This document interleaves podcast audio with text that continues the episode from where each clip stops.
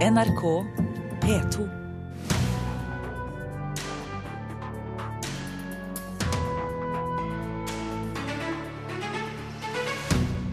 Kjente tegnefilmfigurer som Tigergutt og Dolly Duck kan få nye norske stemmer.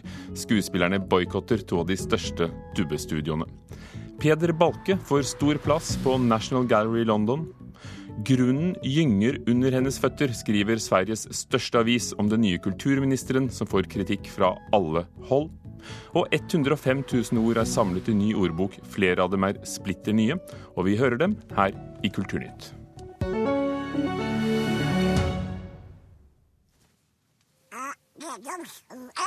Riktig, Tonal. Steg én var å gå gjennom skogen. Det neste er Steg to over broa! Ja! Steg to gå over broen.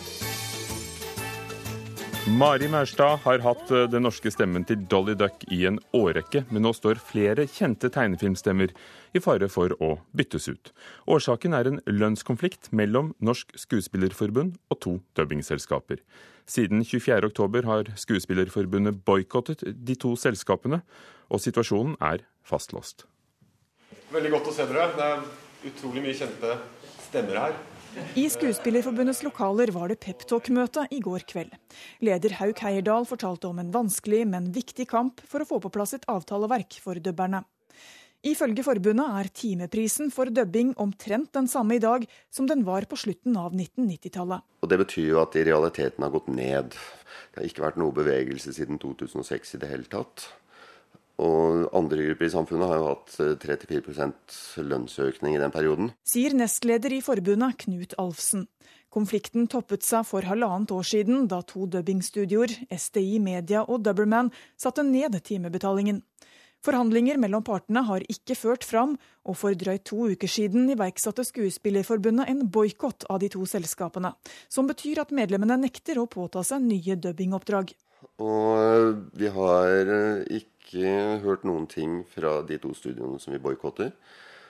Så vi håper jo på at vi skal komme til en avtale. Men skulle konflikten bli langvarig, kan det medføre at Dolly Duck ikke lenger høres slik ut. Ja! Steg to gå over broen. For Mari Maurstad, som har vært stemmen til Dolly i en årrekke, bekrefter at hun stiller seg bak boikotten. Ja, det stemmer det. Jeg stiller meg solidarisk med forbundet, selvfølgelig. Det gjør også skuespiller Anders Hatlo, som norske barn bl.a. kjenner som Tigergutt i Ole Brumm. Skriv til oss hvis du lærer deg å skrive. Er du klar nå, Brom? Hatlo sier han allerede har sagt nei til to dubbeoppdrag for Disney, bl.a. til en karakter i Toy Story. Og han synes situasjonen er trist. Og det er bare fordi, som sagt, at det sitter en rekke mennesker på en rekke kontorer og surrer om, og, og, og bare ser tall. Så disse studioene, er, jeg skal ikke si stakkarsstudioene, men de kommer litt i skvis, altså. Mellom Amerika f.eks., Disney, Hollywood og skuespillerne. Selskapet SDI Media ønsker ikke å kommentere saken overfor NRK, mens Dubberman ikke har besvart våre henvendelser. Knut Alfsen i Skuespillerforbundet sier dette på spørsmål om han forstår at dubbingstudioene er presset. Vårt svar til det er jo at det vil da lønne seg for oss å kunne stå sammen. Hvis vi kan si at det er en avtale i Norge som sier at dette er prisnivået, så vil det tjene hele bransjen. Og det er ikke bare norske dubbere som aksjonerer for lønna. Det har vært streik og boikott i flere europeiske land, og i dag er det endagsstreik blant dubbere i Italia. De store TV-kanalene og filmselskapene gir oppdragene til dubbingselskaper med de laveste anbudene, sier Fabio Benini i en av de tre fagforeningene som går til streik. Dermed tvinges mange skuespillere til å jobbe for lønninger langt under tariff, sier han. I Norge vil ikke Skuespillerforbundet gi seg før de får en timebetaling på minst 750 kroner, som langt fra er så bra som det høres ut, mener Knut Alfsen. For det første så er jo dette en form for spesialkonsulenter. I forhold til hva en spesialkonsulent i IT-bransjen tjener, så er det veldig dårlig. Og så må du også huske på at det er ikke betaling bare for arbeidet, det er også for rettighetene til å vise og utnytte produktet på ubestemt tid. Inntil videre er det altså ingen kontakt mellom partene, noe Tigergutt også synes er leit. Det er Tigergutt. Han er positivt, positiv, og, og, det ønsker jeg å være òg. Så jeg, jeg, jeg, håper at vi kan ha tommelen og humøret oppe, og så bli ferdig med det. Fyr! Adios, Brommagutt! Anders Hatlo som seg selv og Tigergutt til slutt, reporter Une Marvik Hagen. Walt Disney skriver i en e-post til NRK at det er dubbingstudioene som inngår avtaler med skuespillerne, og Disney har altså henvist til dem.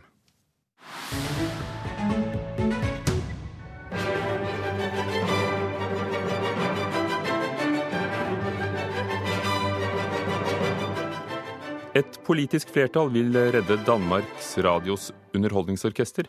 Kammerorkesteret er bl.a. kjent for å ha gitt ut alle Mozarts symfonier, her fra fjorårets plate. DR har besluttet å legge ned det 75 år gamle orkesteret for å spare penger, og har allerede sagt opp musikerne. Men et tverrpolitisk flertall i Folketinget vil nå tvinge DR til å beholde orkesteret og gi musikerne jobben tilbake, skriver Politikken. Å lage TV-nyheter blir mindre og mindre lønnsomt, og TV 2 bør derfor vurdere om de skal fortsette å være en nyhetskanal. Det mener professor Trond Bjørnak ved Norges handelshøyskole, som på oppdrag fra TV 2 har skrevet en rapport om hva det koster kanalen å være en allmennkringkaster. I dag kommer TV 2 i en skvis fordi de må konkurrere med NRK om å lage kostnadskrevende nyheter, og med TV Norge om de kommersielle seerne, sier Bjørnak til Dagens Næringsliv i dag. I går åpnet National Gallery i London utstilling med Peder Balke.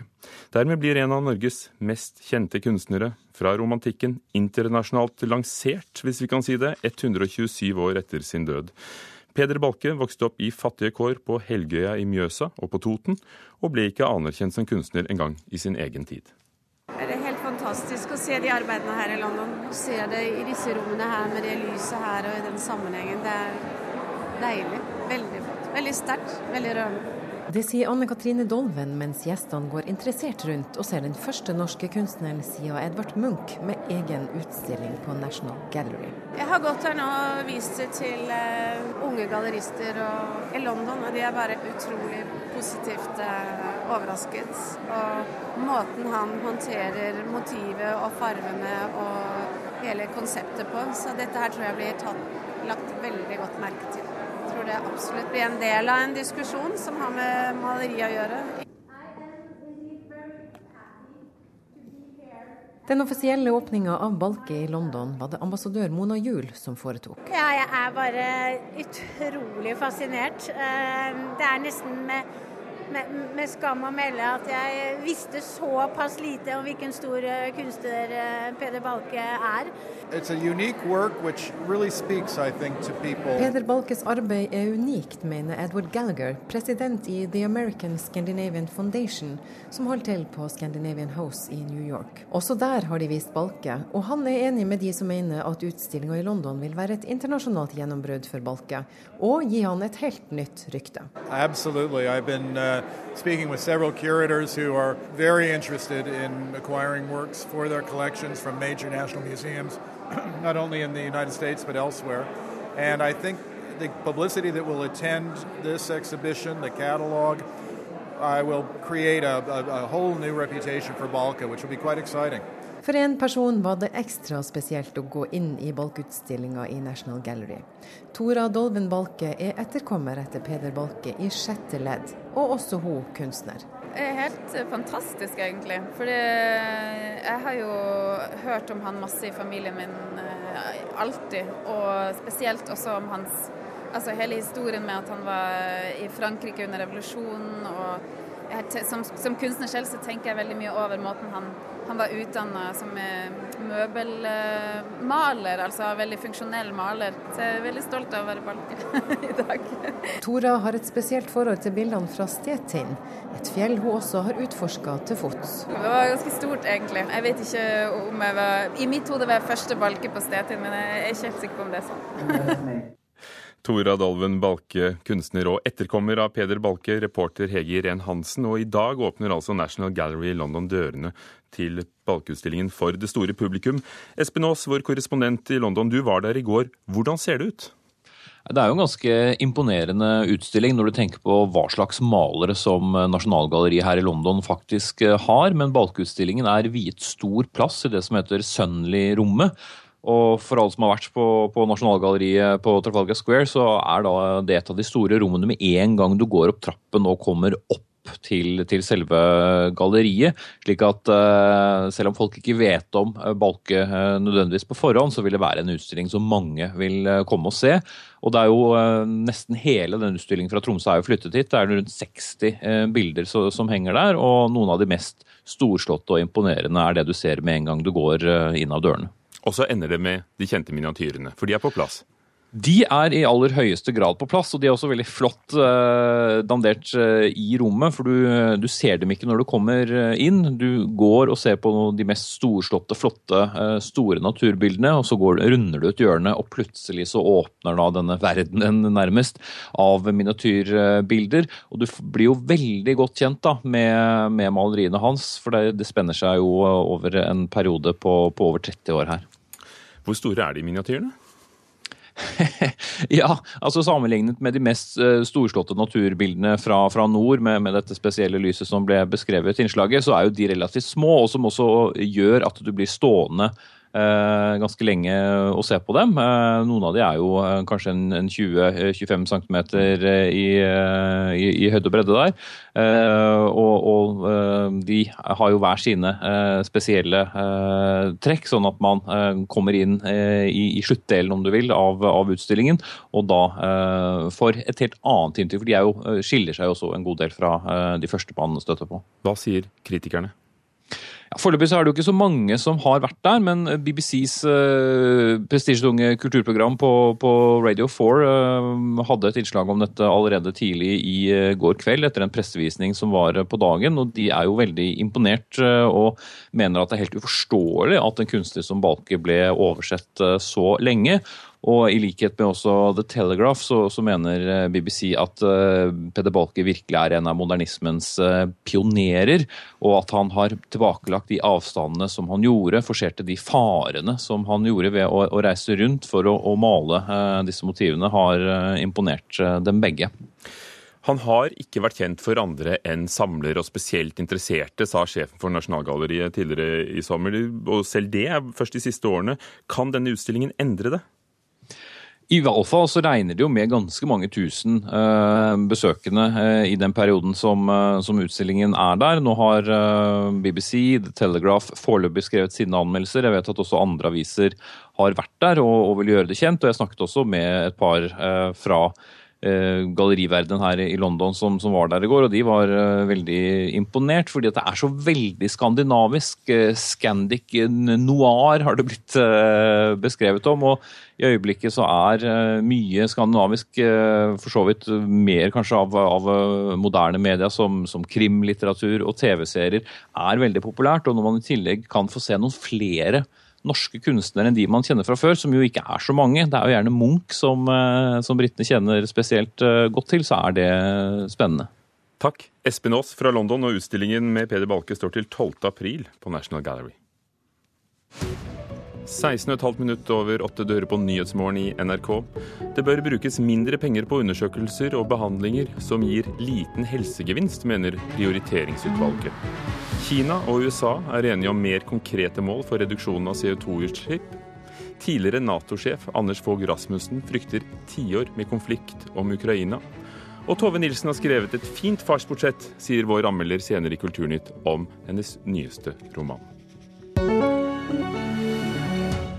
Hva snakker svenskene om? Blant annet den nye kulturministeren Alice Bah Kuhnke. Her blir hun gjort narr av i satireprogrammet Public Service på Sveriges Radio. Okej, du har også med veckans eksempel på en bra klickgenerator. Ja, mm. Alice Bah Kunkes artikel på DN Debatt. Mm. Kulturen är grunden i ett ekologiskt samhälle. Och ja, man kan ju undra när, när ska det gröna rinna av kulturens fane? Ja, men, men för lyssnaren då, vad står det i den artikeln? Ja, en väldig massa. Men framförallt ingenting. Ingenting? Nej, genialt. Alice har äntligen gett kulturen mål och mening får man säga. Man har något att rasa emot. Hon har gett sig själv. Ja, det var liksom Leif Geve Persson i eh, Public Service på radioen. Det hele begynte altså med en debattartikkel i Dagens Nyheter, hvor du er kulturredaktør, Bjørn Wiman. Hva var det Alice Bah Kunke skrev som har opprørt så mange? Alltså, det hele begynte faktisk noe tidligere, kan man si. Og det var eh, framfor alt i og med at Alice Bah Kunke for første gangen framträdde i Sveriges Radio og intervjuades i, i eh, Sveriges Radios motsvarighet till ert, ert, ert program här, Nyhetsmorgon. Och hon gav där ett antal väldigt svävande svar också på konkreta frågor och då hade det ändå gått två och en halv vecka sedan hon tillträdde som kulturminister och man hade kunnat tänka sig att hon skulle kunna svara konkret till exempel på frågor om de stora utmaningarna inom mediepolitiken och andra områden som ju många väntar på, på besked om. Och, och då, då, då blev en, en, eh, en kritik mot henne. Och sedan när hon då valde att skriva en stor artikel i, i eh, Dagens Nyheter på kultursidorna och, och eh, jag menar, träda fram och presentera både sig själv och sin politik och sitt partis politik. Då var den där artikeln väldigt emotsedd. Det var många som var nyfikna på den och den innehöll ju som den Leif GW Perssons eh, Eh, alter ego her då sa i det her satirinslaget, den innehöll jo faktisk ingenting. Men hun skriver jo at regjeringens hovedsakelige kulturpolitiske prioritering er at kulturlivet skal få beste mulige forutsetninger og Absolut, utvikles. men det, det, er jo ungefär like banbrytende som å si at det kommer vatten når det regner fra himmelen. Va? Det, menar, det, det, er jo ingenting. Det er klart at regjeringens eh, kulturpolitikk skal gå ut, at, gå ut på at gi kulturen gode forutsetninger. Alt annet vore jo en en sensation av rang. Så det der er, ju det er en floskel helt enkelt. Det, det, det er fullstendig innehållslöst. Nå er det i Sverige som i Norge budsjettforhandlinger mellom uh, partiene i regjering og de gamle regjeringspartiene i alliansen. Hva er det hun har foreslått i, i neste års budsjett som, som folk reagerer på? Nej, det, är det, det, är, det speciella i den här situationen är just det, tror jag, att, att det, de förslag som har kommit har, har ingen någonting emot. Det till exempel fri entré på statliga museer. Man har talat om att man ska eh, eh, göra det lättillgängligare för barn att vara med i, den, i, i kulturskolan, alltså den, den institution i Sverige där barn lär sig spela musik. Och det där är utmärkta förslag, jättebra. Och eh, lite grann en återställning efter de åtta åren med Alliansens kulturpolitik. Jag tror att det som många har reagerat på är framförallt frånvaron av besked när det gäller de stora utmaningarna inom kulturpolitiken. Alltså mediepolitiken inte minst, där, där ju eh, vi har en hel bransch eh, tidningsbranschen idag som, som eh, ja, går på knäna faktiskt under omställningen til det digitala, digitala landskapet. Men samtidig er det jo mange røster som, eh, som har kritisert regjeringen for å ville legge ned instituttene i Roma, Aten og Istanbul bl.a., og, og at det ikke er satt av penger til dette med gratis entré til museene. Vil hun overleve politisk? De, de, de här instituten vid Medelhavet är lite speciella för att de, de, de, sorterar administrativt, alltså inte under kulturdepartementet utan de ligger under utbildningsdepartementet. Så de frågorna har Alice Bah Kuhnke inte varit ansvarig för och heller inte varit föremål för kritik för hur de har hanterats. Däremot så är det ju viktiga kulturfrågor och jag menar ju då att det här visar på hur vilken konstig konstruktion ett kulturdepartement överhuvudtaget är och, och att eh, kulturfrågorna rimligen borde ligga med utbildningsfrågorna på utbildningsdepartementet. Helt kort, eh, Bjørn Wiemann, eh, kulturredaktør i Dagens Nyheter i Stockholm. Vil hun overleve politisk, den nye kulturministeren fra Miljøpartiet, Alice Bah Kuhnke? Ja, det kommer hun alldeles säkert att göra. Jag menar, hon, ja, jag, jag tog emot utnämningen av henne med, med ganska stor entusiasm faktiskt. Jag menar, det här är en modern och receptiv person som under sin karriär har, har visat att hon kan anpassa seg til nye forutsetninger. Det har gått noen uker. Jeg tycker ju som jeg skrev då at man har rett å stille veldig mye høyere krav på en minister efter fyra uker enn hva hun har levt opp til nå. Men det fins ingen saklige skäl for henne å avgå. Det vill säga hun kan ikke avgå. Hun har ikke gjort noe grunnleggende fel. Hun har ikke beslagits med, med noen skandal eller liknande. Så att hon, hon måste sitta kvar även om jag tror att det mänskliga priset för henne de här senaste veckorna har varit väldigt högt. Takk, Bjørn Wiemann. Fra Sverige til litteratur. Svik, skyld og straff er sentrale temaer i Tove Nilsens nye roman 'Konge i snø'. Anne Katrine Straume, vår litteraturkritiker, du har lest den. Hvem sviker, hvem straffer? Ja, det er jo spørsmålet. Svart-hvitt. Er en slem, er en snill? Dette er en familiehistorie. Det er en jeg-forteller som nok har mange likhetstrekk med Tove Nilsen selv, som forteller om en oppvekst mellom en mor og en far som hele tiden har en stillingskrig mellom seg. Eh, mor er husmor, hjemmeværende, far er ute og jobber, jobber som skipshandler, har masse kontakter, opplever mye, er en festglad herre som også liker å ta seg et glass. På et tidspunkt så har han også en, eh, et sidesprang, noe som moren aldri kan tilgi ham, og dermed så fortsetter hun gjennom, gjennom hele livet og resten av ekteskapet å straffe denne, denne ektemannen. Eh, datteren blir da tatt som en slags gissel. Moren sier at gjør du som han sier, eh, følger du hans, eh, snakker du med ham, er du interessert i det han har å fortelle deg, så er du også utelukket av fellesskapet. Så det er en veldig ubehagelig bok å lese. Er det en selvbiografi?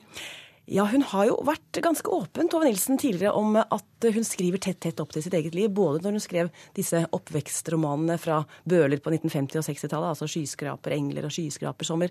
Det ligger nok tett opp til hennes eget liv, dette også. Um, hun skriver også, denne fortelleren, da. Vi får kalle henne jeg-forteller likevel, og forfatter. Hun er forfatter, hun også. Og hun skriver om at det må være mulig å fortelle fra sitt eget liv uten at familien rundt omkring skal føle seg truet eller straffet, fordi det er viktig at det kommer frem i litteraturen. Um, så det er nok en selvbiografi med en god del ekstra elementer, vil jeg tro, og kanskje noen forstørrelser her og der. Og hvilke temaer handler det da om? Det handler om straff, svik, og det handler om et forsøk på forsoning.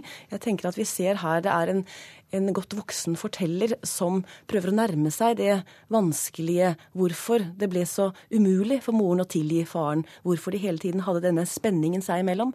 Ehm, det er også en, et tema som kommer inn på den lille familien og den store historien, verden der ute. For både andre verdenskrig og hele denne tiden med DDR blir eh, elementer i fortellingen for faren. Han var egentlig født i gamle Øst-Tyskland, um, har en tysk mor, uh, og han drar på turer hvert år til denne familien. Så der, i dette innestengte landet, kan han leve ut sin frihet. I Norge så er han i et fengsel. Tove Nilsen ble for alvor kjent med 'Skyskraperengler', men har et stort forfatterskap. Hvordan vil du plassere uh, denne?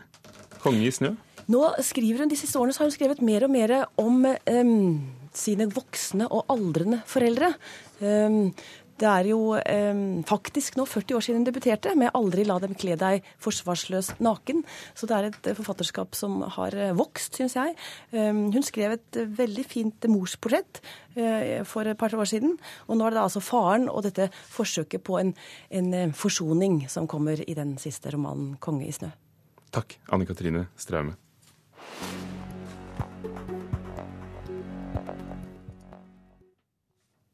Ja.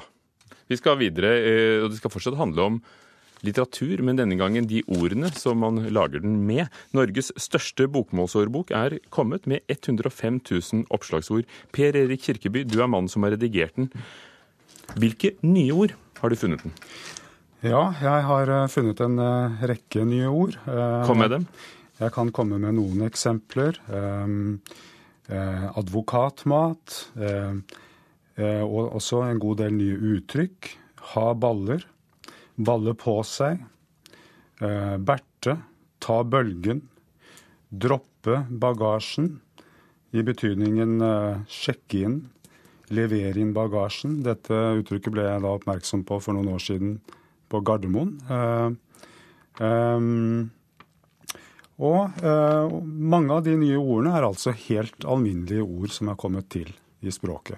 Og hvordan definerer du da å ha baller?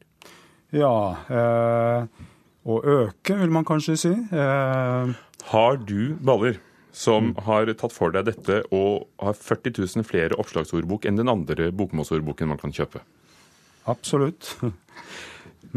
Hva skiller denne ordboken fra den andre, fra riksmålsordboken, fra det å gå på nettet og, og, og, søke seg frem?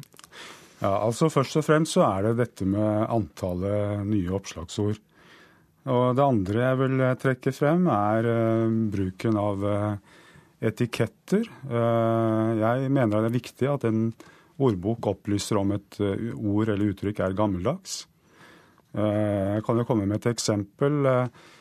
Folk som kommer til Norge og skal lære seg norsk, de kan da tro at uttrykket det gikk, de gikk, de gikk akters med ham', at det er moderne norsk. Det kan de da finne i en ordbok, men det er, er det jo da ikke. Eh, vanlig norsk, vanlig moderne norsk, så vil vi da si at det gikk dårlig med ham. Så det er en hjelp også, ja, stilistisk. Ja. Hvor har du dem fra, ordene? Ja, jeg er Jeg bruker alle tilgjengelige kilder. Oppslagsverk. Jeg følger med i aviser, bøker. Men du har også en samling som du har arvet? Ja da, jeg bygger videre på en ordbokbase som er bygget opp over flere tiår. Det gjør jeg. Mm. Du forholder deg til Språkrådets anbefalinger, til tillatte former. Ja. Ha med de andre i parentes. Ja. Gir du en pekepinn på hva du synes man skal bruke? Er du, øh, anbefaler du språk, eller bare konstaterer du hva som finnes?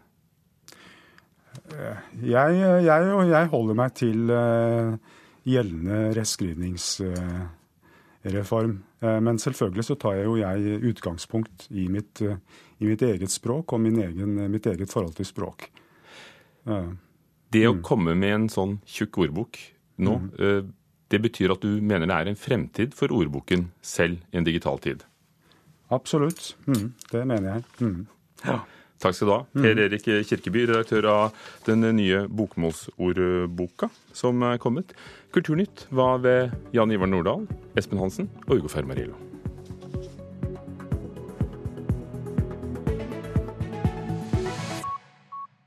Hør flere podkaster på nrk.no podkast.